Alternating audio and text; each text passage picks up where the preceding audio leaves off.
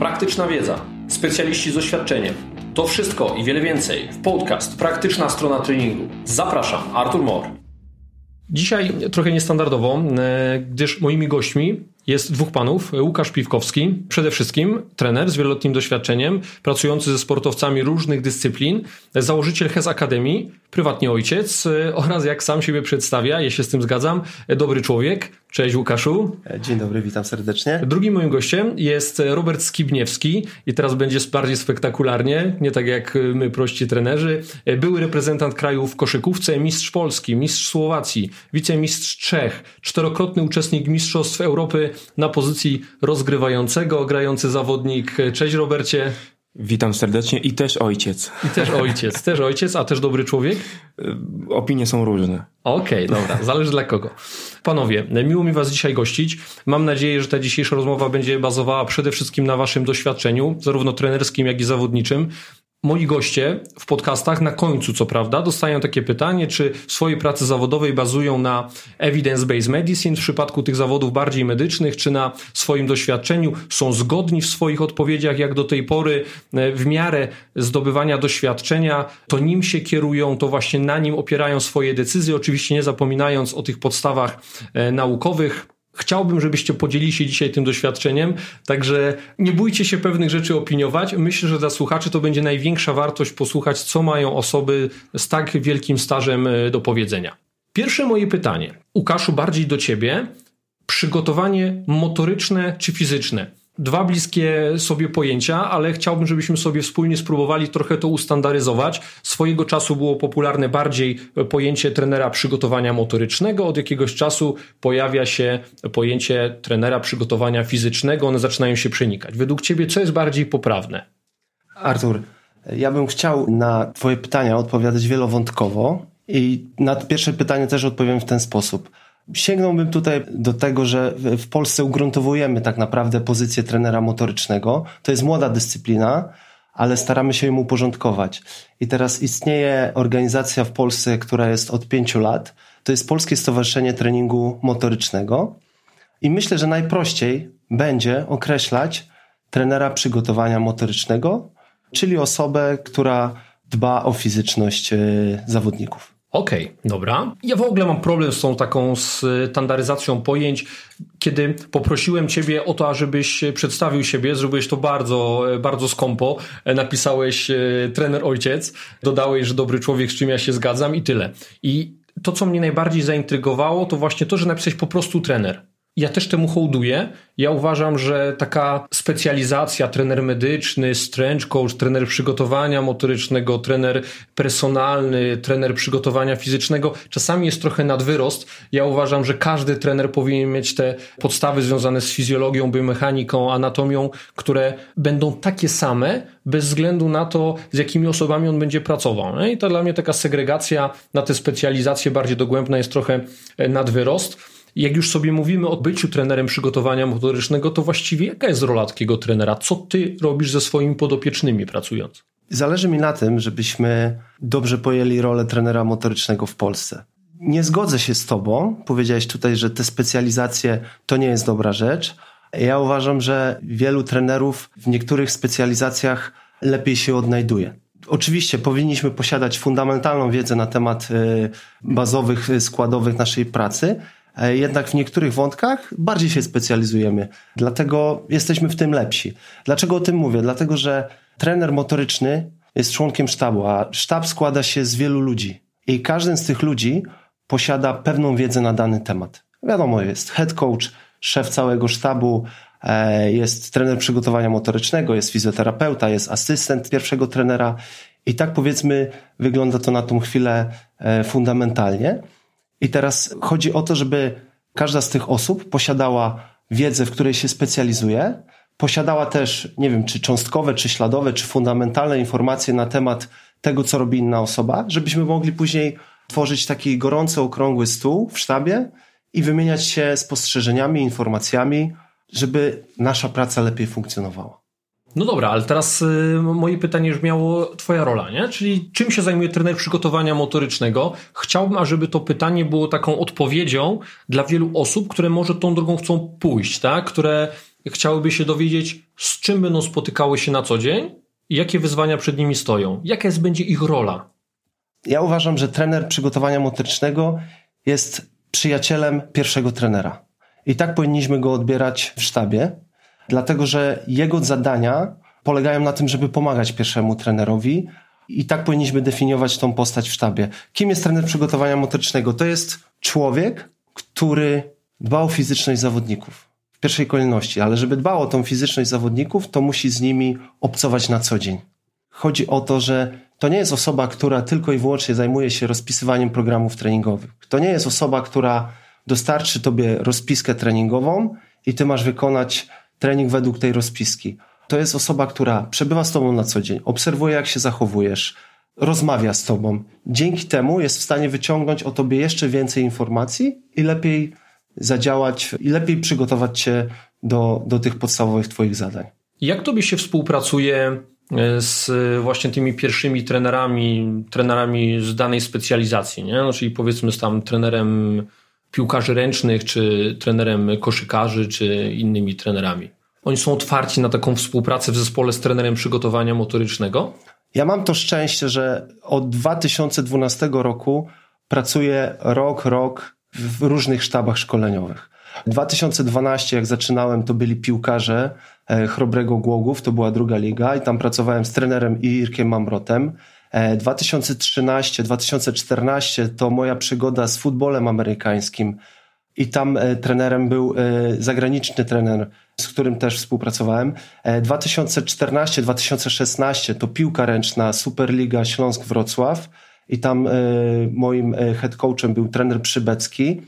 2017-2019 to reprezentacja Polski w piłce ręcznej i tam również pod sterami trenera Przybeckiego, a 2018-2019 pracowałem również e, w sztabie szkoleniowym Śląska Wrocław Koszykarzy w pierwszej lidze. Tam współpracowałem z trenerem Chyżym. Wymieniłem ciurkiem tych wszystkich trenerów, ale tylko i wyłącznie dlatego, że to, co powiedziałem na wstępie, miałem to szczęście, że za każdym razem miałem wsparcie tych trenerów. Czyli oni oddawali mi w, w moje ręce pełną władzę nad przygotowaniem motorycznym zawodników. Oczywiście konsultowali moje treningi, rozmawialiśmy o tym bardzo mocno, dyskutowaliśmy, natomiast miałem pełne wsparcie pierwszego trenera, wolną rękę do działań i to jest uważam bardzo ważna, e, bardzo ważna rzecz dla trenera przygotowania motorycznego, żeby mieć wsparcie i żeby współpracować ze wszystkimi członkami sztabu. Ja myślę, Łukaszu, że miałeś, powiedziałeś, że miałeś duże szczęście, tak? I ja się z tym zgadzam. Dlaczego?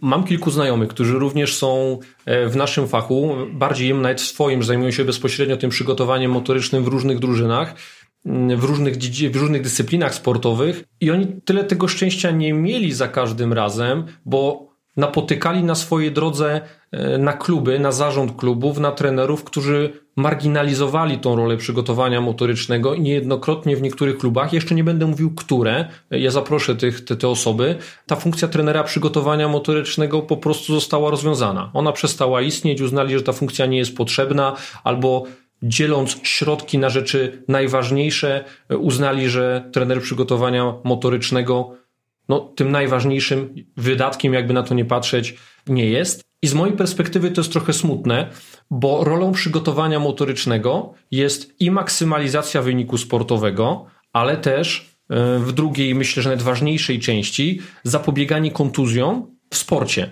Dlaczego o tym mówię? Ostatnimi czasy byłem wykładowcą na kilku konferencjach i za każdym razem, kiedy mówiłem o zapobieganiu kontuzjom, czy mówiłem o komponencie siły, przytaczałem jedno bardzo ważne badanie, które jest coraz częściej przytaczane, mianowicie badanie Laurusena chyba z 2018 roku końca, ono w 2019 było opublikowane i w jego treści jest, iż trening siły jest najskuteczniejszą dostępną prewencją przeciw urazom w sporcie.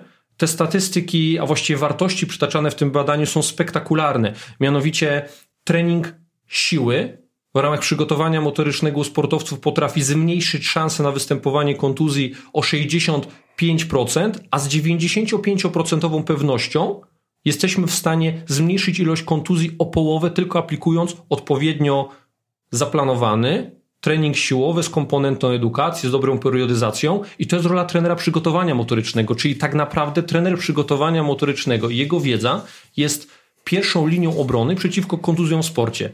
Jak to jest, że czasami pojawiają się te przypadki, że tych trenerów przygotowania motorycznego w sztabie nie ma. Nie? Mnie to najbardziej zastanawia.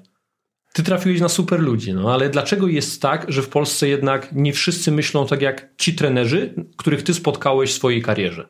Ja mam na to takie swoje teorie, tak? Trenerzy albo działacze, po pierwsze, nie posiadają wiedzy, nie posiadają wiedzy na temat y, tego, jak wygląda przygotowanie motoryczne na świecie.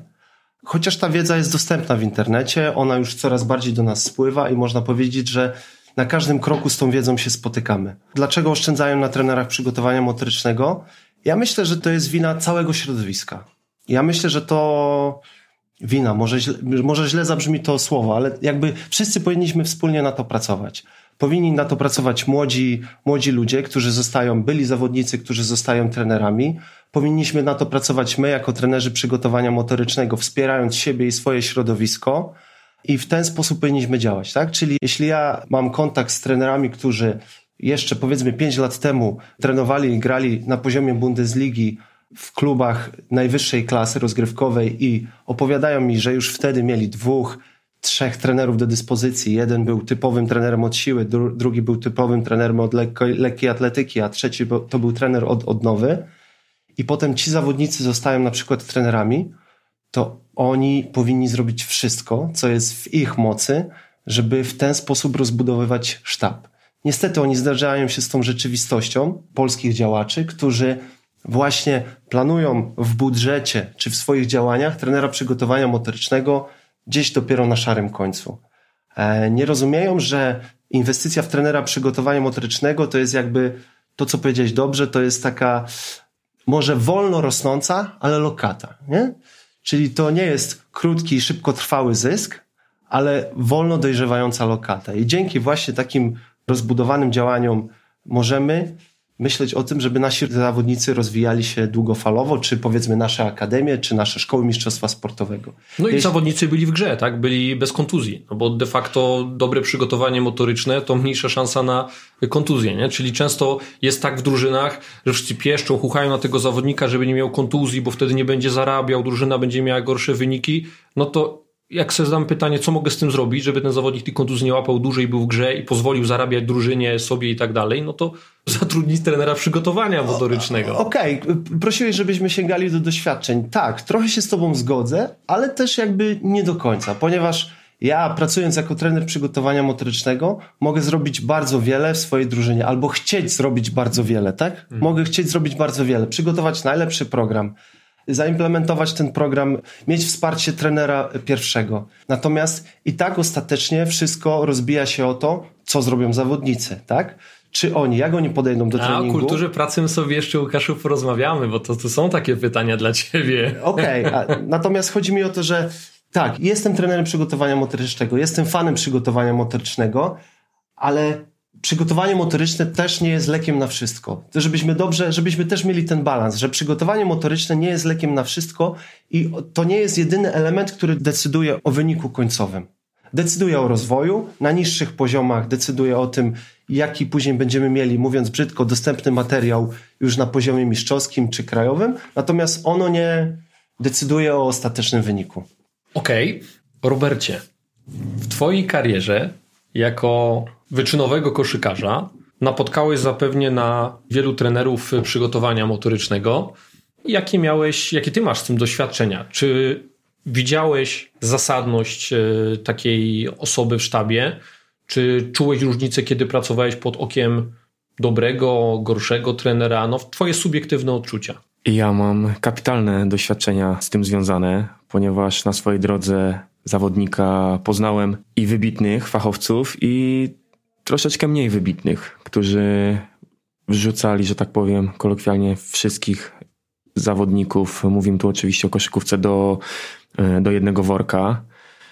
A mówiąc e, o tych wybitnych, naprawdę wykonywali kawał świetnej roboty, gdzie ten trening był w miarę zindywidualizowany, mieli właśnie poparcie trenera e, głównego, ale to poparcie też sobie wypracowali, prawda, swoją wiedzą, swoim podejściem, swoją charyzmą. ogólnie swoją fachowością. Także. Ale czułeś, że y, jak przepracowałeś dobry sezon pod okiem trenera przygotowania motorycznego, to twoja fizyczność była lepsza? Tak, i no, właśnie. Tak już spłycając -hmm. temat, byłeś bardziej wytrzymały, skakałeś tak. wyżej, czułeś się luźniej na boisku. I jak ja zaczynałem grać y, na poziomie ekstraklasy, zaczynałem swoją profesjonalną przygodę, to był rok 2000-2001, wtedy przyjeżdżało się na okres przygotowawczy do klubu totalnie nieprzygotowanym. Oczywiście można było, można było coś robić i trener cię przygotowywał i to było normalne. A w dzisiejszych czasach musisz przyjechać przygotowany do, na przygotowania. To się tak zmienia. I, I ja bodajże od 8 lat. Mówisz o koszykówce? Tak, tylko i wyłącznie. W inne dyscypliny nie, nie wchodzę. I ja od 8 lat, jak sobie tak policzyłem, rok w rok w, w tym off-seasonie korzystałem właśnie z usług y, trenera motorycznego i z ręką na sercu mówię, że jest to bardzo przydatne, jest to bardzo pomocne. Wiadomo, człowiek staje się coraz starszy. Ja obecnie mam 36 lat i pewnych rzeczy już nie, nie przeskoczę, także gdzieś ta szybkość zanika. Ta dynamika, której też y, były śladowe ilości w mojej karierze, y, też już poszła, tak, poszła na, na, na dno, ale wiem, też i też przeżyłem to na własnej e, właśnie skórze, bodajże 2 czy 3 lata temu. Miałem taki jeden okres, gdzie nie mogłem trenować. Nie mogłem trenować. Urodziła mi się córeczka, e, zajmowałem się studiami i tego czasu na te treningi naprawdę było niewiele. I jak zacząłem trenować w tym okresie przygotowawczym, to czułem się fatalnie, naprawdę. Pojawiły się problemy, jakieś mikrourazy, ogólnie samopoczucie, depresja, takie stany depresyjne właśnie, że co się ze mną dzieje. Ja zawsze dbałem o siebie, starałem się przygotowywać jak najlepiej tylko potrafiłem i mogę z czystym sumieniem powiedzieć, że polecam, polecam korzystać z trenerów motorycznych, polecam przygotowywać się właśnie w tym off-seasonie.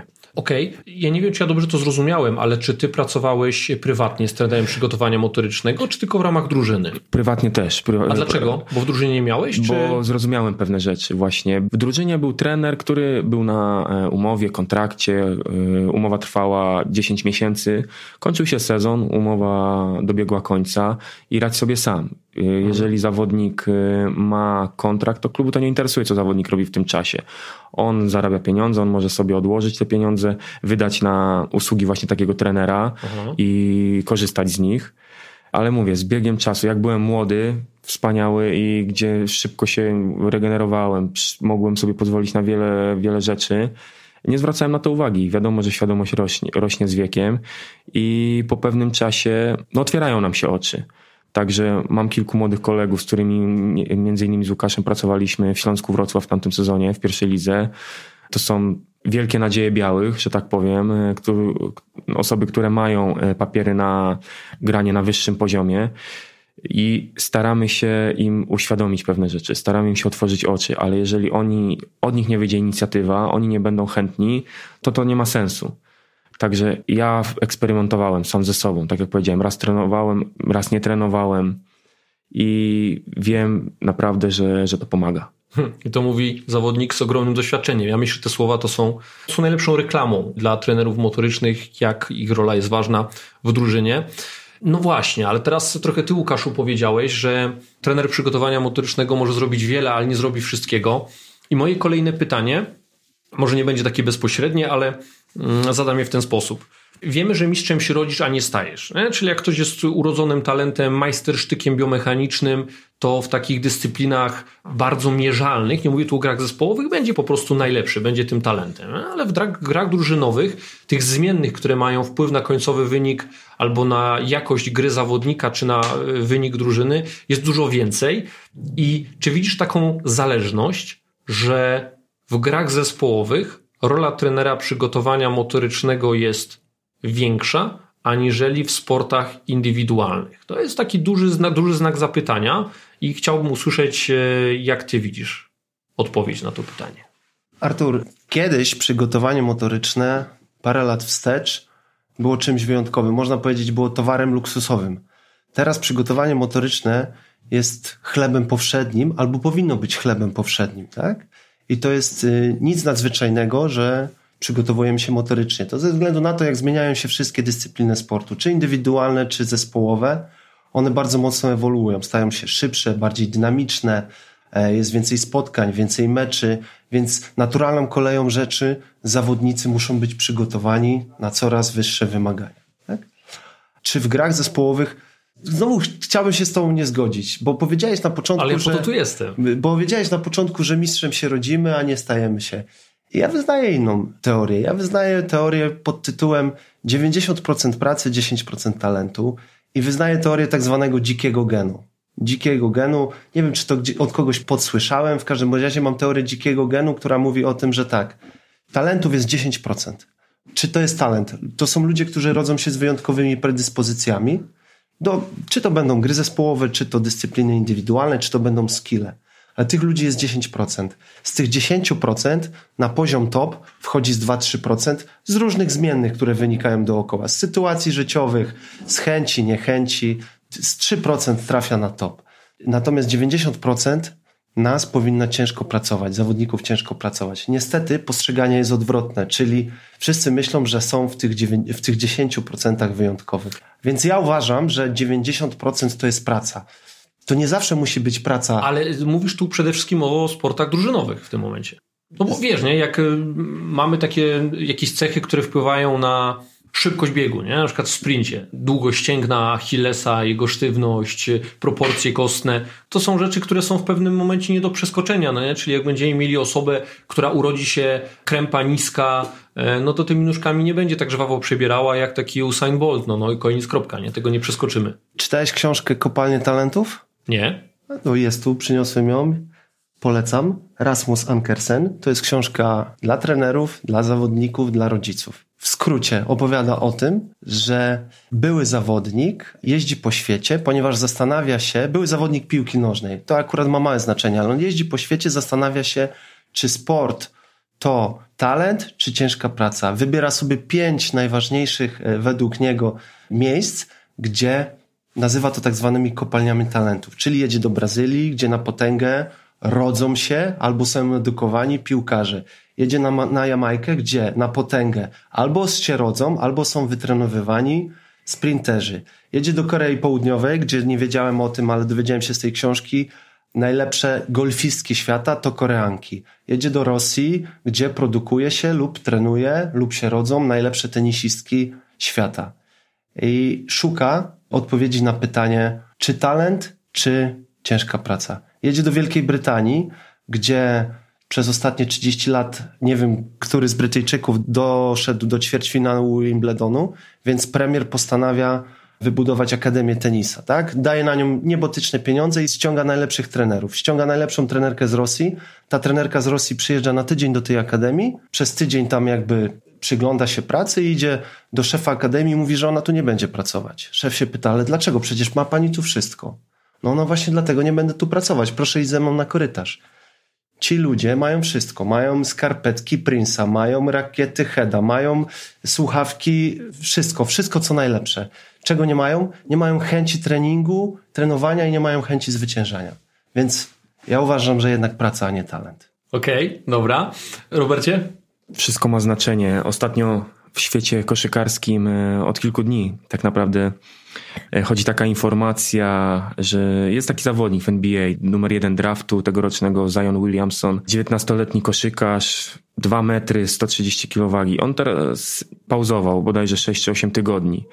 Wrócił do treningów i nagle sztab szkoleniowy z głównodowodzącym, e, kimkolwiek on by był, powiedzieli, że chłopak musi się na nowo uczyć chodzić i biegać bo będzie łapał takie kontuzje. Czyli mamy 19-letniego chłopaka w najlepszej lidze świata, gdzie wchodzą ogromne pieniądze, to jest wielki biznes i ten chłopak musi od nowa nauczyć się stawiać pierwsze kroki, po to tylko, żeby grał jak najdłużej, jak najdłużej był zdrowy.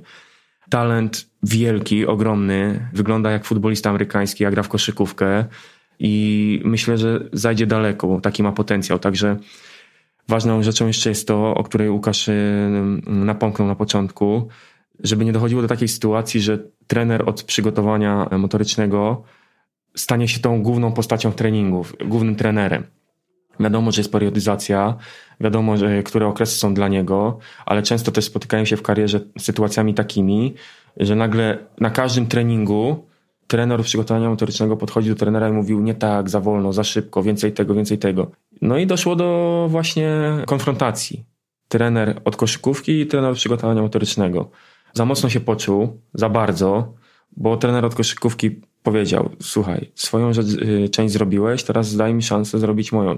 Jeżeli gramy w koszykówkę, nie jesteśmy teraz, y, nie wiem, sprinterami, kulomiotaczami czy specjalistami w innych dyscyplinach, no i zaczęli rozmawiać, bo ja zrobiłem taki trening, zrobiłem szybkość, zrobiłem siłę, zrobiłem wytrzymałość, a ty robisz taki trening, no to musimy się gdzieś dogadać. Dlatego ta komunikacja, te relacje, jeżeli mówimy o sportach zespołowych, są cholernie ważne. I bez tego drużyna mm, na dłużej nie będzie istniała, nie będzie funkcjonowała na, właśnie na poziomie mistrzowskim. Mhm. I znowu nawiązujecie do tej współpracy. Tak. We wszystkich podcastach, które wcześniej e, nagrywałem, zawsze jest nawiązanie do pracy zespołowej pomiędzy różnymi specjalistami. Nie? Ortopeda, fizjoterapeuta, trener. Wy wspominacie trener główny danej dyscypliny razem z trenerem przygotowania motorycznego, czyli praca w zespole. Nie? Tego też się trzeba nauczyć i tego nie ma za wiele w książkach, żeby była jasność. Nie, nie ma takich książek dedykowanych, jak ma wyglądać dobra praca w zespole, jeżeli chodzi o sport. Są jakieś mhm. tam różne team buildingi, ale jeżeli chodzi o sport, to nie są proste rzeczy.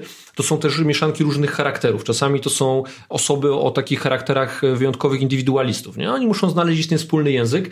Ja jeszcze do tej pracy w zespole na pewno e, nawiążę. Jak sobie teraz mówimy o tym talencie albo jego braku, czy jest ważny, czy nie, to mnie się jeszcze nasuwa takie jedno pytanie. W ogóle, Łukaszu, ty pracujesz też ze sportowcami indywidualnych e, dyscyplin sportowych, czy bardziej jednak drużynowo? Tak, oczywiście. Pracuję też indywidualnie z szermierzami, z karatekami, także. No właśnie, teraz moje pytanie. Czy widzisz dużą różnicę pomiędzy pracą ze sportowcem, który uprawia sport indywidualny, a sportowcem albo drużyną, która działa w zespole? Czy to się przekłada w jakiś bezpośredni sposób na Twoją pracę? Czy ja widzę tą różnicę u moich podopiecznych? Nie, nie Czy... widzę u moich podopiecznych, bo do mnie trafiają bardzo świadomi. Czy ty inaczej z nimi pracujesz? Czy ty masz inne założenia, czy na inne rzeczy zwracasz uwagę?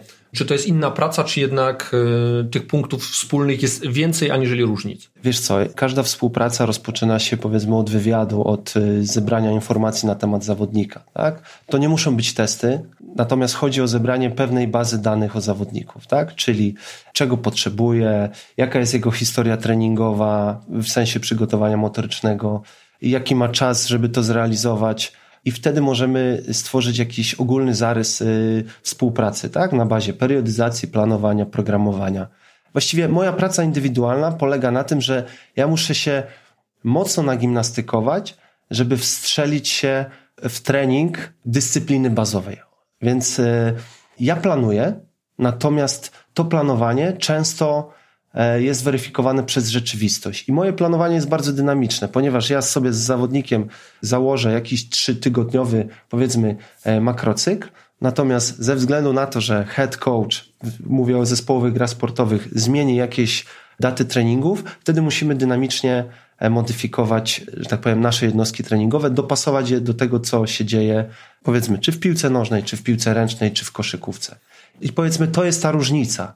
E, jak chodzi o, o zawodników, z którymi pracuję indywidualnie, o szermierkę czy karate, bo mam większe pole manewru, większą jakby dostępność do zawodnika i to jest bardziej taki, bardziej poukładany, bardziej planowy, można powiedzieć, wygłaskany taki proces.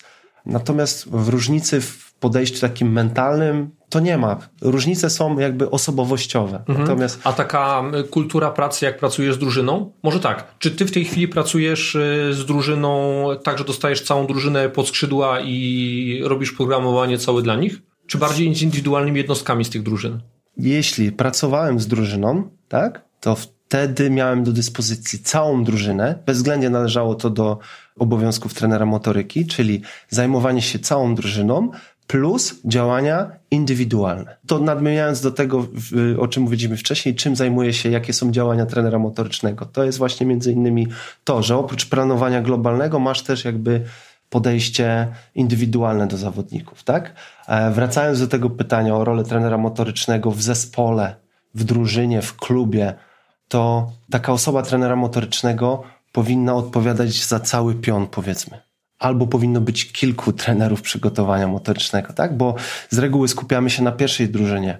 A co z tym, co jest niżej, czyli z tym fundamentem? Więc jeśli już mamy taką możliwość, że ten trener w drużynie jest, w klubie jest, to on powinien sięgać niżej, tak? I ten proces powinien trwać, trwać od dołu. Zajmując się drużyną, na pewno pracujesz z drużyną, pracujesz też indywidualnie z zawodnikami, albo z tymi kontuzjowanymi, albo z tymi, którzy sami wychodzą do ciebie z inicjatywą, albo z tymi, których poleci ci head coach, tak?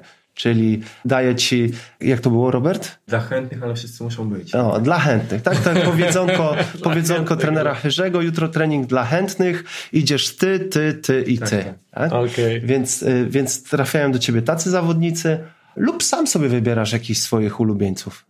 No dobra, to teraz no jaka jest ta higiena pracy tych zawodników? No tu już zapytam bezpośrednio, czyli... Etyka, mm, tak? Tak, taka kultura pracy, okay. etyka, takie poszanowanie do tego, że trener przygotowania motorycznego próbuje im pomóc i jak oni chętnie po tą pomoc sięgają, na ile oni są pokorni względem sugerowanych im e, działań. Robercie, najpierw od ciebie, co ty widzisz albo co ty widziałeś jako czynny zawodnik, a, a zaraz się dowiemy, co Łukasz widział. Trzeba powiedzieć wprost, że zawodnik jest yy, hamem, szują, yy, bo wyczuje od razu Pojechałeś mm, teraz. Wyczuję od razu e, trenera turystę, że tak powiem, który przyjdzie, rzuci, nie wiem, e, minibandy, powerbandy czy innego rodzaju sprzęt i powie, no to teraz 10 tego, 10 tego, 15 tamtego. Nagle ktoś zada pytanie, dlaczego tyle, dlaczego to? No i trener już ma problemy z odpowiedzią na najprostsze pytania. No i idziemy na następny dzień, idziemy na następny tydzień, idziemy do następnego miesiąca i my cały czas robimy ten sam trening. Także też spotkałem takich trenerów i uważam, że w ogóle bycie trenerem nie tylko od przygotowania motorycznego jest y, cholernie ciężką pracą, bo trzeba kupić zawodnika czy swojego podopiecznego, trzeba wzbudzić u niego zaufanie. A przede wszystkim, jak y, ktoś y, nie jest w tym dobry, no to zostanie szybko zweryfikowany. Przypominam, że na przykład w koszykówce pracujemy ze sobą 8, 9, czasami 10 miesięcy. I jeżeli my w ciągu miesiąca czy dwóch nie dojdziemy do porozumienia, nie zweryfikujemy pewnych rzeczy, no to będzie bardzo ciężko. Pasmo nieszczęść. Tak. I tak jak już tutaj poruszyliście, chyba głównym wyznacznikiem e, pracy trenera motorycznego jest, są właśnie kontuzje w zespole. Jeżeli jest ich dużo, no to coś jest nie tak. Jeżeli ich nie ma, no to wykonuje dobrą pracę. Później patrzymy dalej jak się prezentują, jak wyglądają, jak biegają na, na koniec sezonu, gdzie wtedy toczy się ta największa, najważniejsza batalia. No i myślę, że to są takie najważniejsze aspekty tego. Mhm. Cieszy mnie, że tak mówisz, cieszy mnie, że podkreślasz właśnie tą wartość e, wiedzy, którą trener musi mieć, że zawodnik potrafi to zweryfikować. No, zawodnicy też w jakimś stopniu są wyeksponowani na tą współczesną wiedzę. To nie jest tak, że ta wiedza, którą ma trener przygotowania motorycznego, ona nie dociera do innych osób. Nie? Czyli jak zawodnik sobie odrobinę trudu zada, żeby się chociaż wyedukować w podstawy, no to już jest w stanie zweryfikować e, wiedzę trenera. Zgadza nie? się i właśnie w dzisiejszych czasach ta świadomość rośnie. Wszystkich zawodników, myślę, że w każdej e, dyscyplinie sportu, dlatego trener musi być e, czujny, musi właśnie się nieźle nagimnastykować zawodnicy są ciekawi, chcą wiedzieć, dlaczego to, dlaczego tamto. Ja miałem na przykład taką sytuację, że wybitnej klasy specjalista, trener e, Józef Lisowski z naszego wrocławskiego AWF-u, trener reprezentacji Polski między innymi, prowadzi trening w Euroligowym Śląsku Wrocław, przychodzi i mówi, no oczywiście gadka szmatka na początku, wprowadzenie, wstęp. No dzisiaj krótki trening, 40 minut, yy, pracujemy nad szybkością. Bardzo fajny trening, bardzo przyjemny. Trener pochwalił wszystkich zawodników, świetna praca. Po czym schodzi główny trener, head coach z widowni, który obserwował cały trening i mówi, jak to już koniec treningu? On mówi, tak, zrobiliśmy szybko, wypoczęci byli, wchodzimy, robimy swoje, wychodzimy, idziemy do domu, rozchodzimy się. Koniec, o to w tym wszystkim chodzi. I ten trener mówi, nie, tak nie może być. Jeszcze mamy półtorej godziny sali, to wykorzystajmy to. I nagle trener od, e, właśnie od koszykówki, główny trener, zaczął robić swoje rzeczy, jakieś zestawy obronne, jakieś podskoki, e, jakieś e, różnego rodzaju ćwiczenia. I ten trener łapie się za głowę, ale to teraz moja praca poszła w pizdu za przeproszeniem. No i po tym treningu trener Lisowski powiedział, że nie będzie współpracował z tym trenerem, no bo mijają się z celem. Także znowu wracamy do tej współpracy. Okej, okay, i nie podważaniu kompetencji drugiej osoby, nie? Tak, ale też jeśli mogę jeszcze jedną rzecz powiedzieć. Z drugiej strony, znowu byłem świadkiem, jak e, z kolei kolejny specjalista, trener od przygotowania motorycznego w reprezentacji Polski w koszykówce, Dominik Narojczyk, e, na przykład podchodzi do trenera i mówi, że Wydaje mi się, że tutaj bardzo dobrze trenowali na siłowni wczoraj, e, w okresie przygotowawczym oczywiście, żebyśmy im odpuścili. Trener się zgadza. Wierzę ci, ufam ci w 100%, czyli można. Piękny kontrast. Tak. I właśnie o takie, o to, te historie, które powiedziałeś, na nich mnie bardziej zależy, bo to są te doświadczenia, to są te praktyczne implikacje związane z naszą branżą, e, no, o których się nie przeczyta. Trzeba usłyszeć od takich osób jak ty. Łukaszu, mój wzrok w twoją stronę zmierza. E, jak to wygląda z twojej strony? Robert, pewnie część zawodników, się, ale... pewnie, pewnie część zawodników y, jest taka, jak, jak powiedziałeś, ale, ale, ale nie wszyscy. Natomiast jak wygląda to z mojej strony? Fajnie, po, podpierajmy się tutaj przykładami. E, ja wam powiem tak, to co powiedziałem na początku. Miałem to szczęście, że pracowałem przez prawie dwa lata w reprezentacji Polski piłki ręcznej. W międzyczasie, w tamtym roku prowadziłem również pierwszoligowy Śląsk Wrocław w koszykówkę i w tym samym czasie miałem treningi z Serie A, śmieję się, czyli z A-klasowym e, zespołem Ambrozji Bogdaszowice. Zresztą tutaj wisi szalik i koszulka tego zespołu. I to jest, słuchajcie, takie wspaniałe zderzenie, bo jedziesz w październiku na zgrupowanie reprezentacji Polski i spotykasz się powiedzmy z wybranymi, z wybrańcami z całej Polski z danej dyscypliny. Wracasz ze zgrupowania, prowadzisz e, treningi z zawodnikami z e, poziomu powiedzmy drugiej klasy, no prawie że najwyższej ligi w Polsce w koszykówce, a wieczorem o godzinie 20 jedziesz na trening e, do piłkarzy, totalnych amatorów, jak chodzi o uprawianie dyscypliny i fantastyczne zderzenie. I słuchajcie, ja mam jedną, jedną puentę tych wszystkich zdarzeń, że kwestia jest taka, kto jak chce, jakie ma podejście, jakie ma chęci, jakie ma zaangażowanie. Bo można powiedzieć, że podobne działania wprowadzam. Ja prowadzę trening zawsze tak samo. Czy to jest reprezentacja Polski w sensie zaangażowania, podejścia, czy to jest reprezentacja Polski, czy to jest Śląsk Wrocław, czy to jest Ambrozja Bogdaszowice, dla mnie nie ma znaczenia. Chcę zawsze swoją robotę wykonać jak najlepiej. A odzew z drugiej strony jest wspaniały. I teraz wyobraźcie sobie tych zawodników, którzy trenują trzy razy w tygodniu o godzinie 20. Część z nich o 19 kończy robotę albo o 21 zaczyna robotę. Mówię o tej ambrozji, tak? I wyobraźcie sobie tych zawodników z tego Śląska, dla których trening lub dwa treningi w ciągu dnia to jest jedyna praca, którą muszą wykonać taką fizyczną. Może jedyna albo aż, no w zależności jak ta praca jest, jest trudna. I zawodników reprezentacji Polski, którzy przyjeżdżają sobie na zgrupowanie, mają zaaranżowane zgrupowanie, mają, mają zjeść, wyspać się, pójść na trening, zjeść, wyspać się, pójść na regenerację, pójść na trening, po prostu zrobić to, co robią jak najlepiej.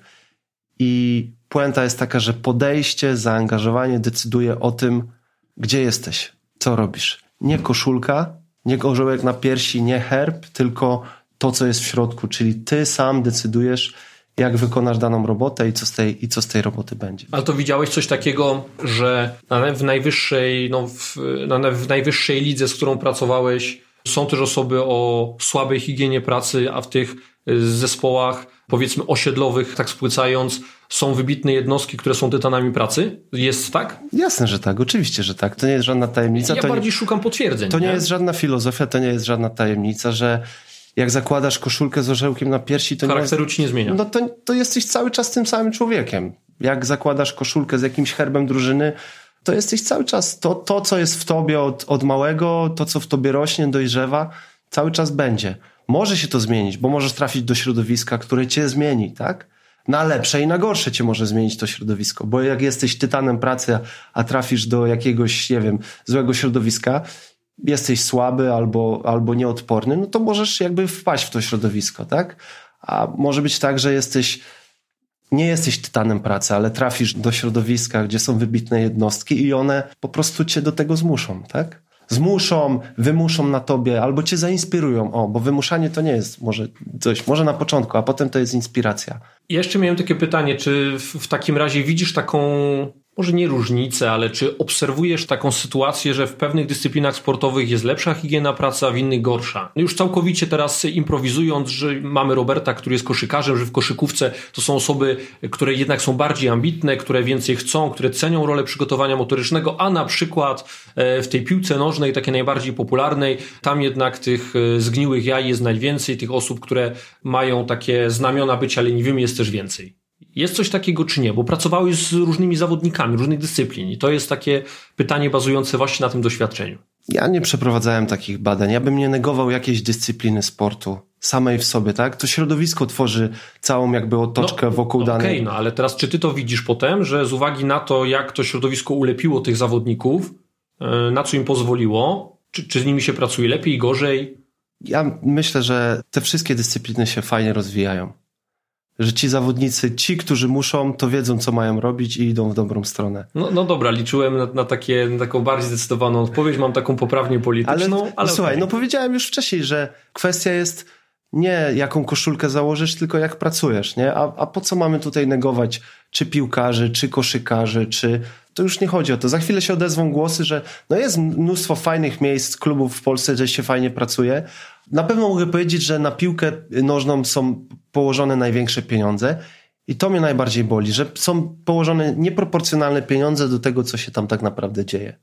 Gdyby część tych pieniędzy czy państwowych, czy od sponsorów przełożyć na inne dyscypliny, na koszykówkę, na piłkę ręczną, czy na siatkówkę, z którą tam nie miałem kontaktu, ale jakby to bardziej proporcjonalnie przełożyć, to na pewno można by było zrobić wiele ciekawszych rzeczy. No wiesz, według mnie to jest tak, że ci piłkarze, będąc tak bardzo gratyfikowani, tak bardzo obsypywani tym e, złotem, oni powinni też więcej od siebie dawać. Czyli jakby moje oczekiwanie, już całkowicie takie personalne, prywatne, nie w ogóle związane z e, moim zawodem, jest takie, że jeżeli naprawdę społeczeństwo, państwo, sponsorzy cię doceniają i twój sport, ciebie i twój sport, i płacą ci za to dobrze, to daj z siebie maksymalnie dużo, ażeby im się w jakimś stopniu odwdzięczyć.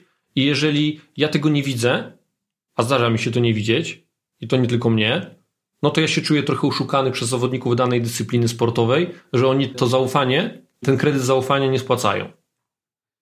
No dobra, jest coś, że jednak ci, ci piłkarze, że to środowisko piłkarskie jest y, no jakby tworzy taką otoczkę, kamufluje swoje działania, mają fajny marketing, mają dużo pieniędzy, tam sztaby trenerskie są. To jest najciekawsze, że jak chodzi o piłkę nożną i o e, boisko, o środowisko polskie, to tam są rozbu rozbudowane sztaby trenerskie, tak? Tam mają pieniądze na badania, na badania wytrzymałości, na badania siły, mają specjalistyczny sprzęt i to niemałe pieniądze. A czy to jest adekwatne do wyników?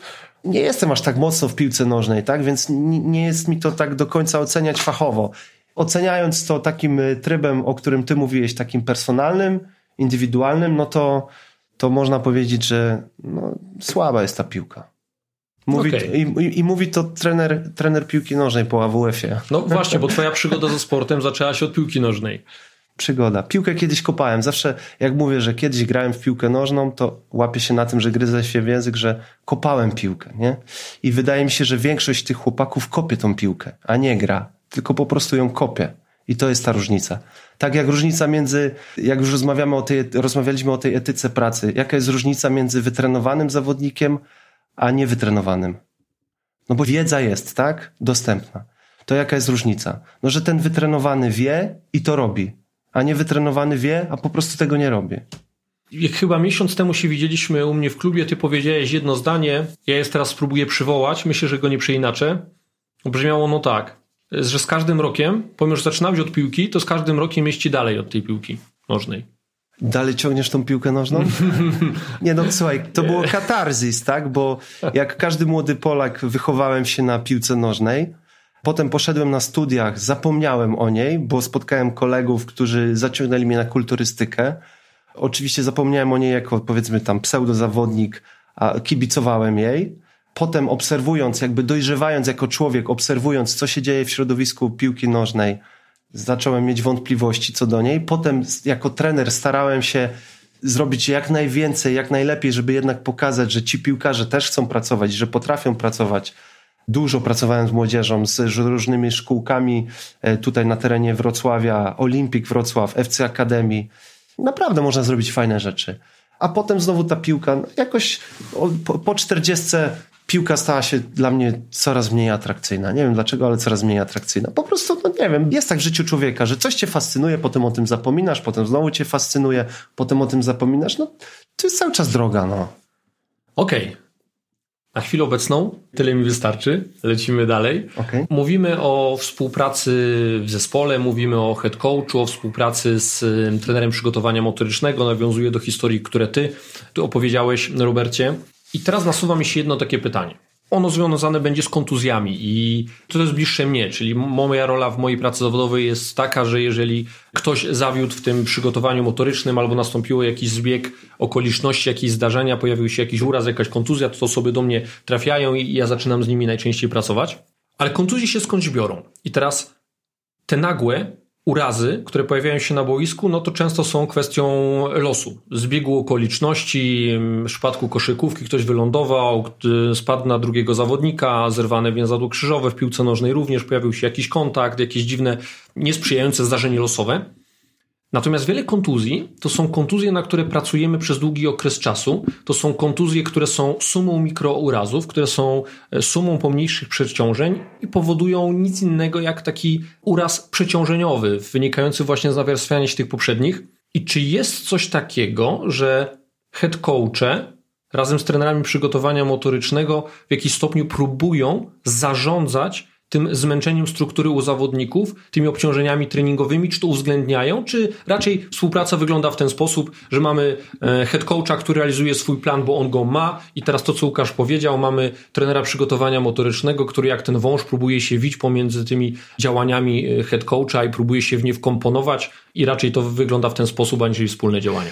Jest coś takiego. E, na poziomie reprezentacyjnym jest to normą że jest takie monitorowanie każdego zawodnika, gdzie właśnie główny trener z trenerem od przygotowania motorycznego non-stop e, rozmawiają na temat e, zdrowia poszczególnego gracza.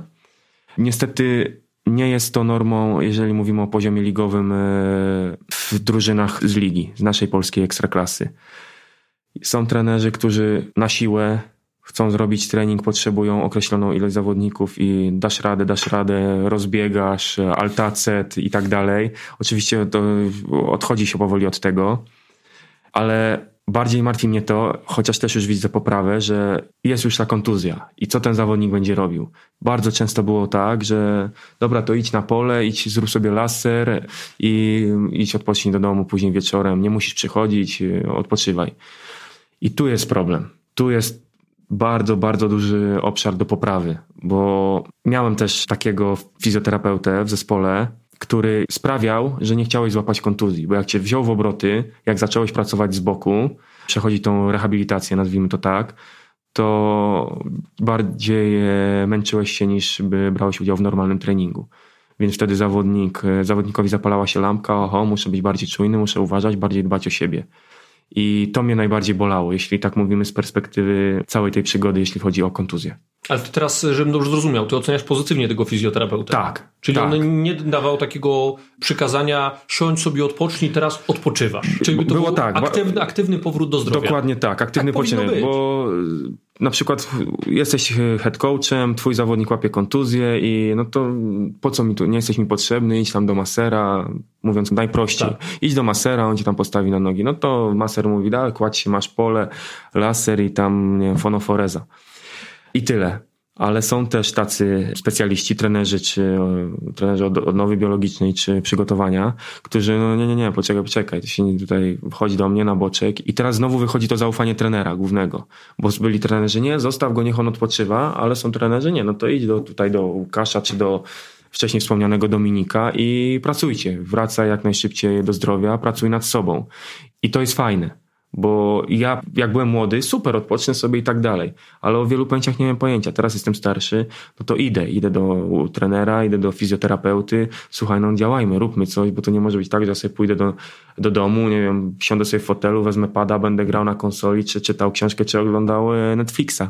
Także, e, tak jak wspomnieliśmy wcześniej, ta świadomość zmienia się i uważam, że idzie w dobrym kierunku. I tu jest kolejny krok pod tytułem Jaka jest rola trenera przygotowania motorycznego w zespole? I tutaj mi się marzy, żeby tego podcastu posłuchali jacyś działacze albo jakiś wyjątkowy gość, który ma fulk hajcu i po prostu y, nie będzie się bał tego hajcu zainwestować, nawet jeśli miałby zainwestować w jakąś ekstraklasową y, drużynę piłki nożnej, to niech zainwestuje w jakąś, nie wiem, czy to drużynę piłki ręcznej, czy to drużynę koszykarską, pierwszą ligową i zbuduje coś od samego dołu, od fundamentu. Niech zbuduje struktury, niech zacznie od ludzi, bo ludzie są najważniejsi.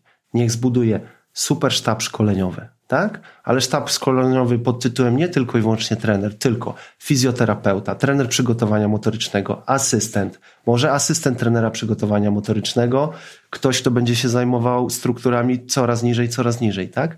Potem ten gościu niech zbuduje wspaniały ośrodek treningowy, gdzie ci fizjoterapeuci i cały ten sztab będzie mógł pracować i tam niech ściąga najlepszych zawodników z całej Polski, i tam ich kształci od początku do końca. Na pewno są w tym kraju tacy ludzie, którzy mają tyle pieniędzy, którzy mogą to zrobić.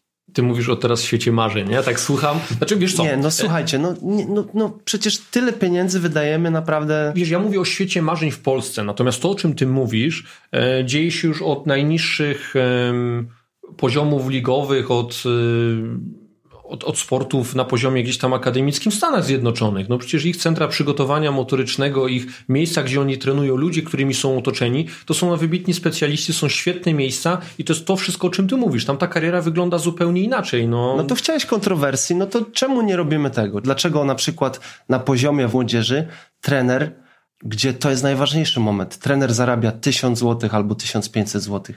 Dlaczego nie zarabia 5000 zł? Dlaczego nie ma prowizji albo złe słowo, nie prowizji, tylko bonifikaty za to, że wykształci super zawodnika, dobrze wyszkolonego, dobrze przygotowanego motorycznie, który trafi do Superligi na przykład albo do Ekstraklasy. Tylko taki trener pracujący w SMS-ie musi lepić 4 godziny w SMS-ie w, w ciągu dnia plus 4 godziny w innej szkole, przejechać całe miasto, a jeszcze wieczorem e, w jakiejś szkółce dorobić, żeby, żeby, żeby przeżyć. No, dlaczego nie możemy? Chciałem, żebyśmy w tym podcaście zbierali jajka, a nie gówna, czyli szukali e, pozytywów, ty powiedziałeś, żebyśmy się nie bali kontrowersji.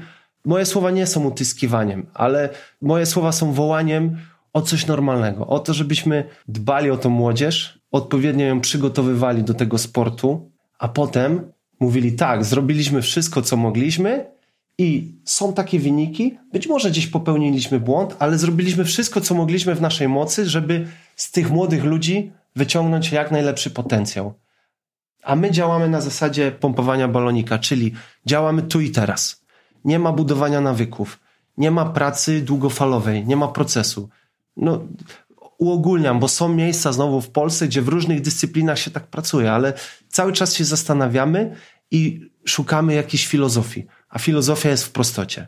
Po prostu zróbmy to, zróbmy tak. Dajmy komuś szansę dajmy w sensie takim, że przychodzi gość, który mówi zróbmy to w ten, w ten i sposób, zaufajmy mu przez najbliższe kilka lat, a nie, że po pół roku podważamy już całe jego dotychczasowe działania. I to, I to we wszystkich dyscyplinach tak jest, tak? Nie dajemy ludziom czasu, nie dajemy ludziom możliwości, tylko oczekujemy tu i teraz, w tym momencie a nie tego, co będzie za rok, za dwa, za trzy, za pięć. Wiesz co, ja tak y, jestem generalnie sceptycznie nastawiony do całej tej branży związanej z przygotowaniem motorycznym w sporcie, a właściwie zasadne będzie bardziej powiedzenie byłem do dzisiaj, bo dzisiaj usłyszałem takie rzeczy. Usłyszałem od Roberta, że jako zawodnika, że on widzi sens tych wszystkich działań. Jest twoja postać, Łukaszu, jest y, twór w postaci Polskiego Stowarzyszenia Treningu Motorycznego, czyli ja widzę, że i zawodnicy, i trenerzy, i organizacje różnego rodzaju zaczynają widzieć, jak to powinno wyglądać. Wy o tym mówicie. PSTM zaczyna coraz prężniej działać. No czyli wiedza jest, nie? Wiedza jest, docenienie wśród zawodników jest. No to teraz faktycznie chyba trzeba po prostu poczekać, aż ten, te zarządy w tych różnych klubach y, gdzieś padną i przyjdzie nowe. Chyba nie ma innego sposobu. Nie wiem, czy czekać. Trzeba działać. Cały czas trzeba działać, a nie czekać. Ale mnie bardzo cieszy to, to że dzisiaj Robert opowiedział tyle historii. E, z perspektywy zawodnika on, e, on mówi to, co ja chcę usłyszeć. Nie? To, to, to, to co mi się marzy usłyszeć i, i on, on widzi ten świat tak samo jak ja. A ja byłem przekonany do dzisiaj, że jednak zawodnicy widzą to trochę inaczej. Ja się cieszę. Ja się cieszę, że to słyszę.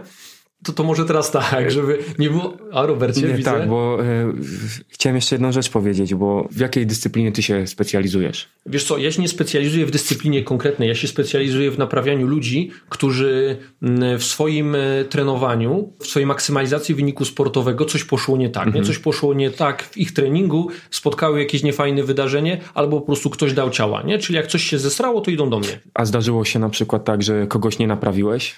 Czy wszystkich naprawiłeś, którzy do ciebie trafili? Nie, no wiesz, no, to jest bardzo takie pytanie, no, na które ci odpowiem y, zawsze. No, no nie ma stuprocentowych sukcesów, no bo, bo, bo, nie ma, bo czasami są takie urazy, których nie jesteśmy w stanie załatać, albo czasami jest to, o czym wspomniał Łukasz, czyli no, mamy tak oporny materiał, który y, na własne życzenie doprowadzi się do tej kontuzji urazów i, i jakby trafia do mnie, ale widzę, że nie ma chęci zmian u niego, no to to jest rzucanie grochem. Ale to też nie spowodowało, że gdzieś tam y, zwątpiłeś w siebie. Że... No nie, jasne, że nie. Bo, to, bo chodzi mi o to, to co powiedział powiedział Łukasz, że jesteś trenerem, czy trenerem od koszykówki, czy od piłki nożnej, czy trenerem od przygotowania motorycznego, jeżeli jesteś konsekwentny w tym działaniu, oczywiście cały czas y, poszerzasz y, swoją wiedzę, dokształcasz się, ale coś ci nie wyjdzie, to zazwyczaj w Polsce jest tak, że zaraz trenera zmieniają, bo nie klika, nie idzie.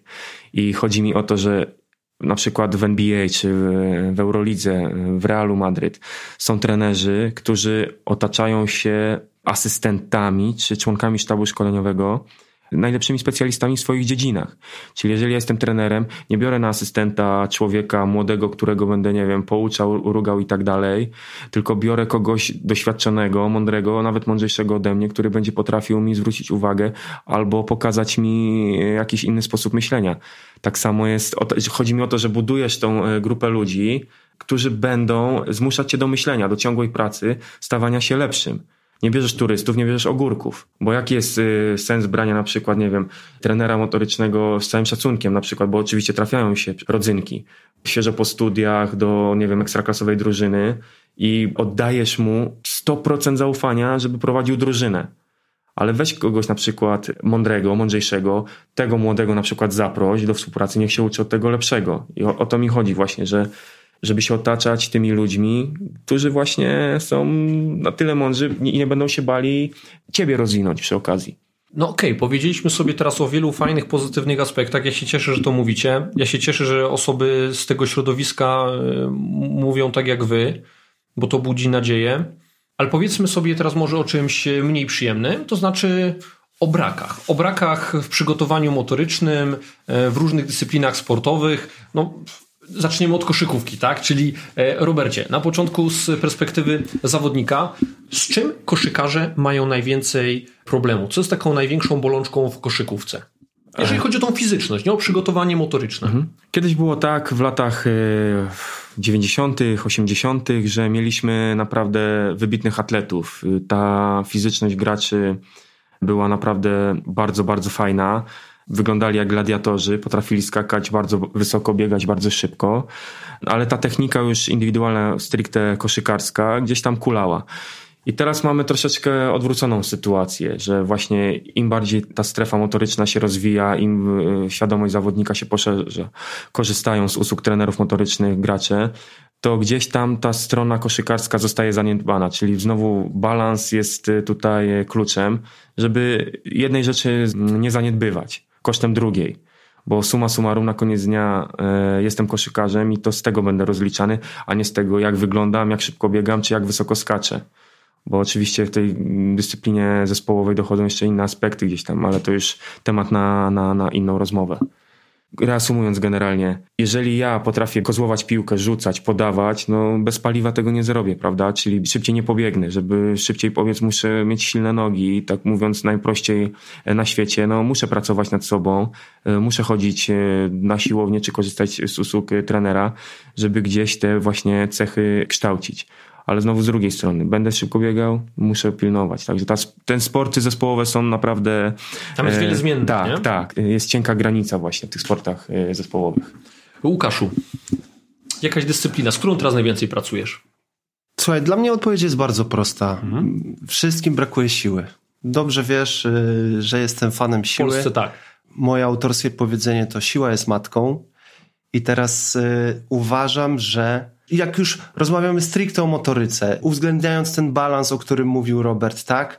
Uwzględniając to, że przygotowanie motoryczne ma być fundamentem, ale nie być jakby do, ostatecznie decydujące, opierając się tylko i wyłącznie o motoryczność, to siły, po prostu brakuje nam siły.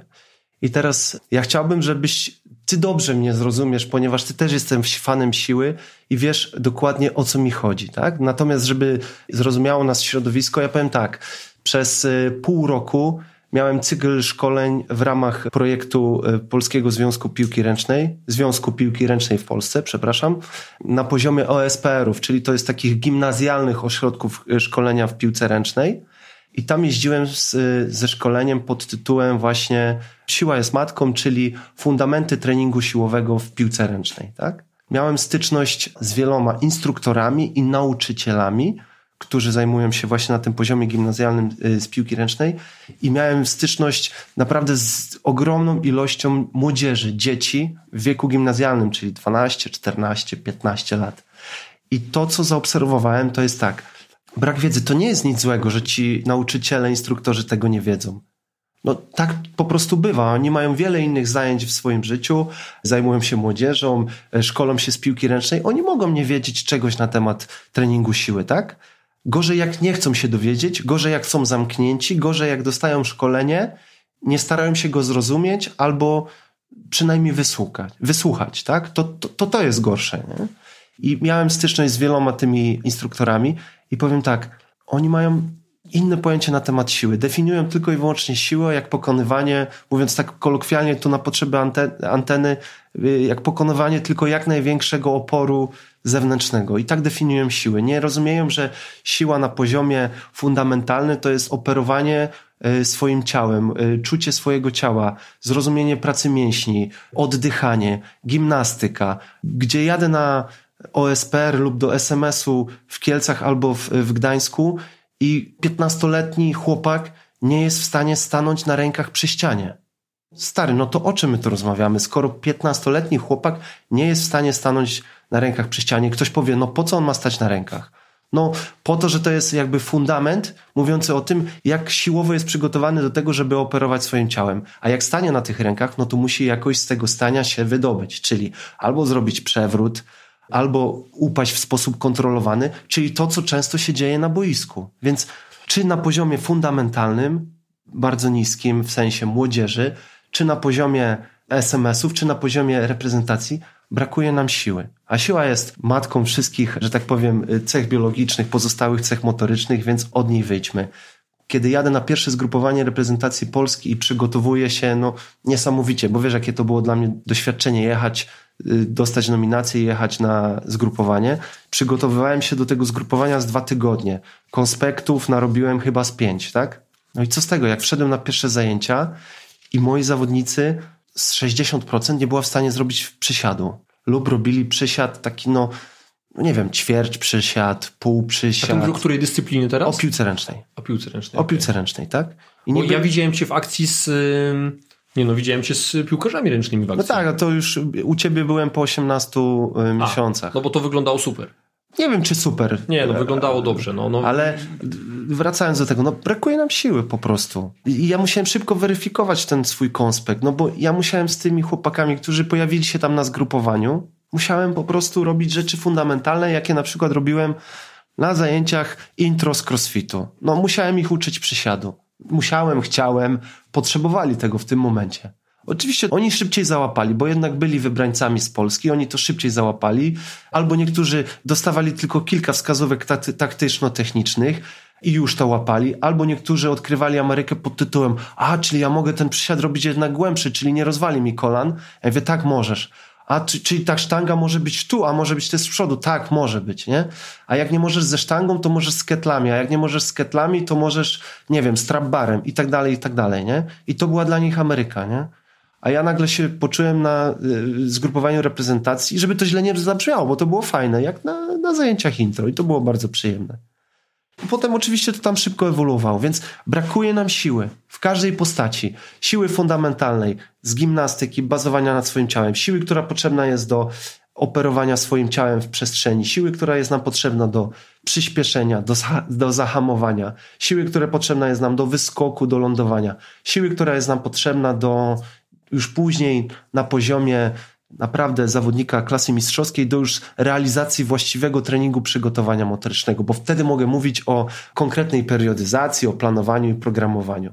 A co ja mogę sobie pieprzyć o programowaniu, o periodyzacji falowej, sekwencyjnej, blokowej w wypadku ludzi, którzy nie mają fundamentu? No to moja praca jako trenera przygotowania motorycznego wtedy też jest super, ale sprowadza się do rzeczy bardzo fundamentalnych, prostych I, i, I proste co? rzeczy są najlepsze i najbardziej skuteczne. Zgadza się. I, I, wiesz co? I moja robota jest dokładnie taka sama jak twoja. To znaczy, jak ktoś złapał kontuzję i trafia do mnie, bardzo często weryfikuję sobie jego ogólną sprawność poprzez kilka podstawowych no, ćwiczeń, bo to nawet nie są testy jakieś e, funkcjonalne czy kliniczne z fizjoterapii, tylko sprawdzam, jak wygląda jakość e, jego ruchu i możliwości jego ciała. I nagle się okazuje, że ten chłop po prostu nie ma podstawowego przygotowania takiego motorycznego, nie ma tych fundamentów. I co ja robię? I pomimo, że powinienem jako fizjoterapeuta czy taki trener, na początku mówiliśmy sobie bardziej medyczny, zacząć pracować z nim w jakiś dziwny, specyficzny sposób, ja robię te same fundamenty. Ja go zaczynam uczyć przysiadu, ja mu mówię, że on ma pośladki, ja mówię mu po co one są, ja go uczę oddechu.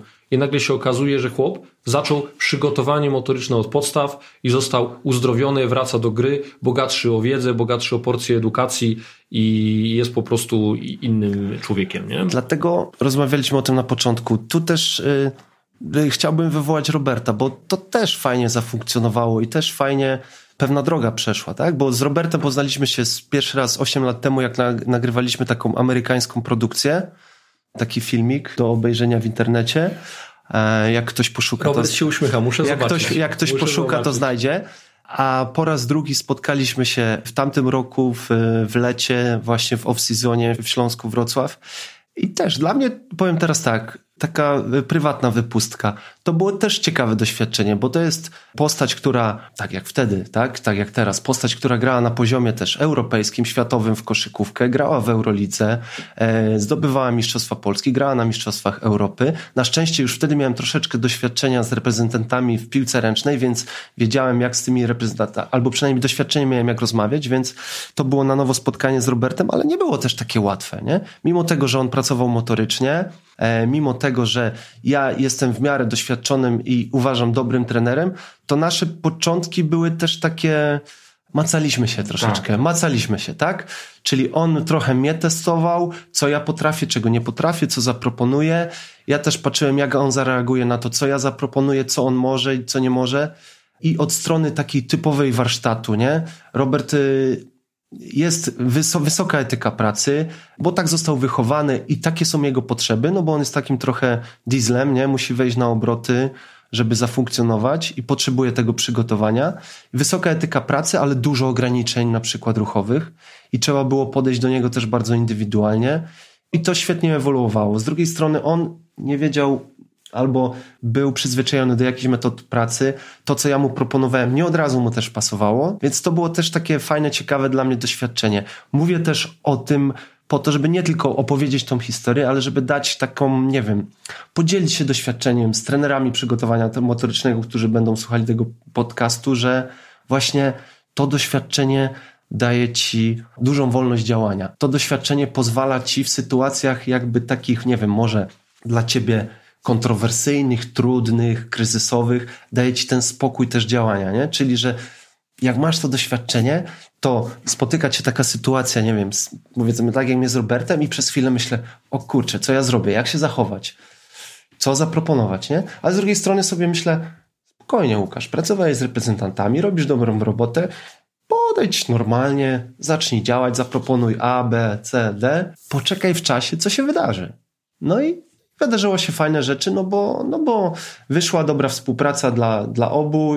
No i tyle, no. I tyle, bo się rozgadałem, nie? Więc, ale to jest, tak jak mówię, to jest podpowiedź dla, dla młodych trenerów, a może nie tylko dla młodych, ogólnie, nie? Że, że jednak to doświadczenie ma takie kluczowe znaczenie i to jest tak jak z żołnierzem na, na poligonie, który robi wszystkie rzeczy, tak? Uczy się strzelać, uczy się czołgać, skakać i tak dalej Pytanie, co zrobi na froncie, nie wiadomo, co mu będzie przy, przydatne, co mu będzie potrzebne. Nie? I tak samo w pracy trenera motorycznego, nie wiadomo, z jakich umiejętności będziesz musiał skorzystać. Dobra, Łukaszu, a teraz powiedz mi, ja cię będę męczył jeszcze o to. Powiedziałeś, że brakuje sportowcom siły, tak? Że jakby to jest ta cecha motoryczna, którą trzeba rozwijać, ja się w pełni zgadzam.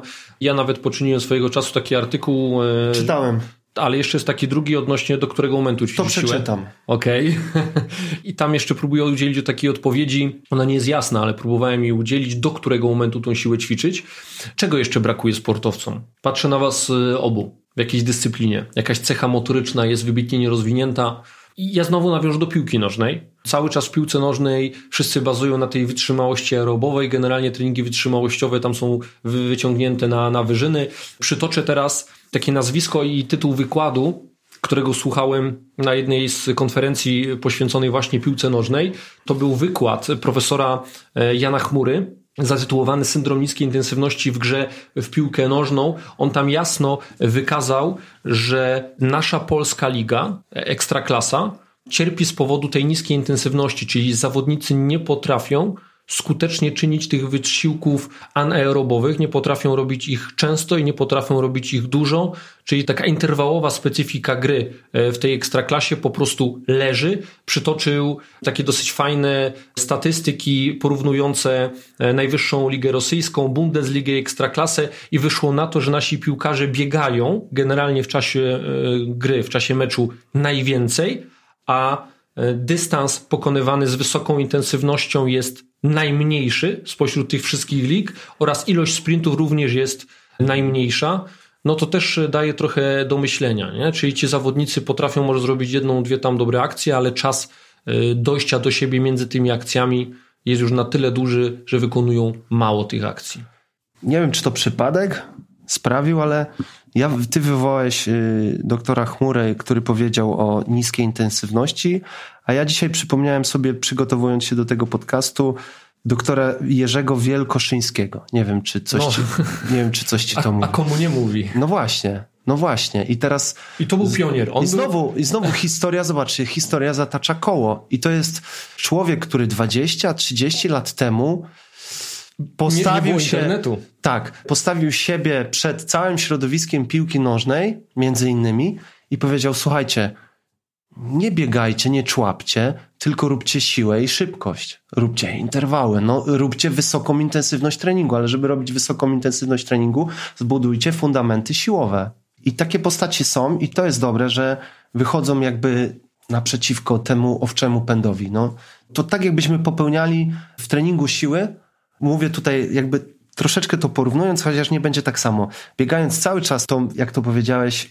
Y, Niską intensywność. Tak, a tak. śrubując cały czas tą wytrzymałość, śrubując, śrubując, to tak jakbyśmy cały czas popełniali w treningu siły hipertrofię.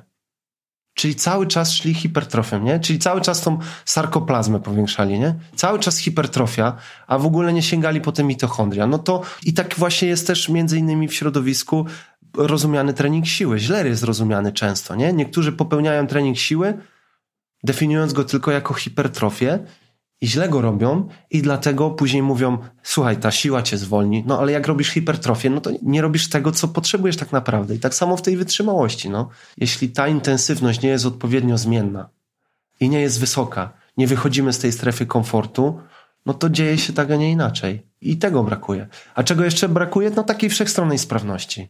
To wiesz co, ja nawiążę do tego znowu momentu, kiedy byłeś w Katowicach, u mnie w klubie i ćwiczyłeś tam z Bartkiem Bisem? Tak. I to jest mój podopieczny piłkarz ręczny, bardzo fajny, dobry człowiek, e, sportowiec o wysokiej etyce pracy, taki, który chce się rozwijać, i cały czas to robi.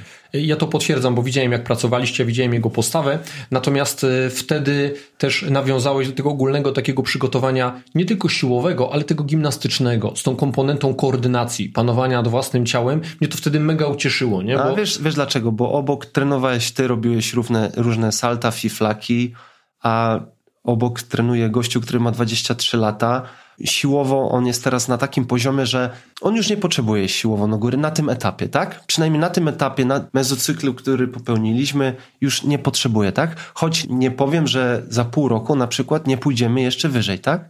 I to jest też ważne dla trenera, żeby cały czas obserwować, czego potrzebuje twój zawodnik. I tak naprawdę e, ja już widziałem to wcześniej, a ty byłeś tylko taką pieczątką. Gościu, który trenuje obok i widzę, jak jest sprawny, jak potrafi opanować swoje ciało ale nie zrobiłbyś tego bez fundamentów siły. No pewnie, że nie. I dlatego ja wtedy wyszedłem z, z inicjatywą, mówię, Bartek, no my musimy popracować nad twoją sprawnością, bo dotychczas nikt nie pomyślał nad tym, żebyś ty potrafił się przewrócić. No, pozycja kołowego. Pozycja kołowego w piłce ręcznej. No, to jest gościu, który non-stop się przewraca. Gościu, który może, przepraszam, może nie non-stop, ale bardzo często się przewraca, który wa walczy nisko na nogach, z tyłu ma dwóch kafarów, często wpada w to pole 6 metrów, nawet specjalnie, żeby wymusić rzut karny.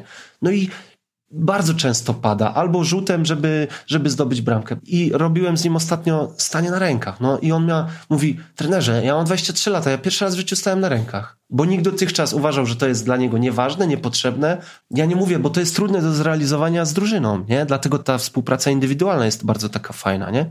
I dlatego trener motoryczny powinien być na pełny etat w klubie, powinien mieć swoje biuro, powinien mieć swojego asystenta, i tworzyć programy indywidualne dla wszystkich zawodników, które byłby w stanie realizować w wolnym czasie, wtedy kiedy nie grają co trzy dni na przykład. Widzisz, znowu się, znowu mogę powiedzieć, że jestem za to w ogóle. Myślałem, że ta rozmowa będzie się kleiła tak, że ja będę tak chętnie krytykował całe to środowisko, jest zupełnie odwrotnie. W sensie wy tyle fajnych rzeczy pokazaliście mi z tego środowiska, że w trakcie tej rozmowy zmieniłem zupełnie swoje nastawienie.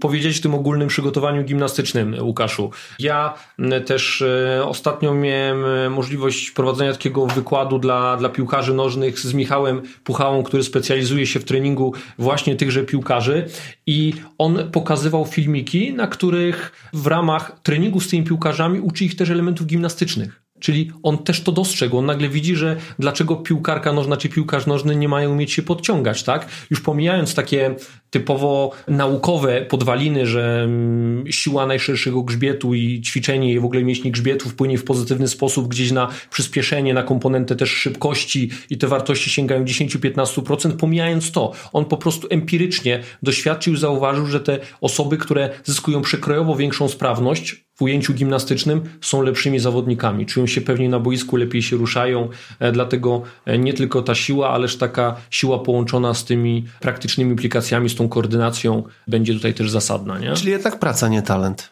A nie, nie, nie, tu się nie ze wszystkim się zgadzać. W grach zespołowych ja się zgodzę, że tytani pracy będą potrafili to skompensować sobie gdzieś, natomiast w tych sportach indywidualnych nastawionych na jakąś konkretną cechę motoryczną, na taką wybitną specjalizację, no, no tu już e, ciężko będzie to gdzieś sobie skompensować ciężką pracą, nie? No może pomiędzy tam dwoma podobnymi jednostkami tak, ten, który więcej pracuje wygra, ale okay. no gdzieś ten talent też musi odgrywać tam rolę. Kurczę, panowie, ta rozmowa świetnie się e, pokleiła. Poruszyliśmy wiele wątków, e, więcej aniżeli na początku chciałem. Czy chcielibyście jeszcze coś dodać, może podsumować e, tą naszą dzisiejszą rozmowę? Ja myślę, że ona prezentuje pewną bezwartościową, może nie bezwartościową, nie, niepoliczalną wartość dla osób związanych ze sportem, czy trenerów przygotowania motorycznego, czy zawodników, bo pokazuje, jak ta współpraca pomiędzy tymi dwoma składowymi zespołu powinna wyglądać. I ja dzisiaj, Robercie, słyszałem Twoje wypowiedzi pierwszy raz, nie wiedziałem, jakie masz nastawienie do tego wszystkiego i jestem spektakularnie zaskoczony. Podsumuj jeszcze dzisiejszy dzień, tą rozmowę. Wszystko zaczyna się u podstaw, od podstaw, zwał jak zwał. Kiedyś była gimnastyka korekcyjna, nie wiem czy chodziliście, ja chodziłem. Ja chodziłem. I myślę, że to była fajna rzecz, bo my wtedy jeszcze nie wiedzieliśmy tego, ale myślę, że możemy śmiało powiedzieć, że nam pomogła. W dzisiejszych czasach często się słyszy o zwolnieniach z WF-u, że ktoś nie chodzi i tak dalej, z tego się biorą problemy e, zdrowotne, trafiają do ciebie między innymi, czy do, do Łukasza. A wystarczyło tylko troszeczkę poćwiczyć, poświęcić czas swojemu e, organizmowi, swojemu e, ciału i nie miałoby się później takiego problemu, żeby chodzić do jednego czy drugiego e, lekarza czy fizjoterapeuty i wydawać na to pieniądze. Także świadomość myślę, że jest kluczem, a ona się bierze właśnie z podstaw i właśnie z rozmowy z, ze specjalistami w danej e, dziedzinie. Także ja, e, ja zachęcam. Łukaszu, czego życzysz sobie w nowym roku albo dla całej tej branży? Dziękuję za to pytanie. Czekałem, aż je zadasz. ja chciałbym, żebyśmy żebyśmy się wspierali, żebyśmy się wspierali jako trenerzy, e, żebyśmy budowali dobre sztaby. Jako trenerzy przygotowania motorycznego, żebyśmy swoją postawą pracowali e, na to, żeby dostrzeżono coraz większą wartość przygotowania motorycznego i żeby dzięki temu powstawał popyt na trenerów przygotowania motorycznego i żeby oni byli dobrze zrozumiani i doceniani w sztabach i żeby ich praca była doceniana. Nie musi być najważniejsza, ale e, jest y, kluczową e, składową dobrego przygotowania zawodnika do działań boiskowych. Znowu tu bym chciał sięgnąć do trenera legendy, czyli Huberta Wagnera. Polecam e, film krótki na YouTubie dostępny Kat, gdzie pokazuje pracę i też są fajne przebitki pracy motorycznej, jaką wykonywali wtedy zawodnicy. Natomiast kluczowe zdanie z tego filmu dla mnie, które chciałbym powiedzieć, to Hubert Wagner powiedział, że nie ma możliwości, żeby za, zawodnik zrealizował jego założenia taktyczno-techniczne bez odpowiedniego przygotowania wszechstronnej sprawności. On to wtedy tak fajnie nazwał. I tego życzę wszystkim e, sportowcom też w nowym roku. Trenerom już pożyczyłem. Wspierajcie się, rozwijajcie się.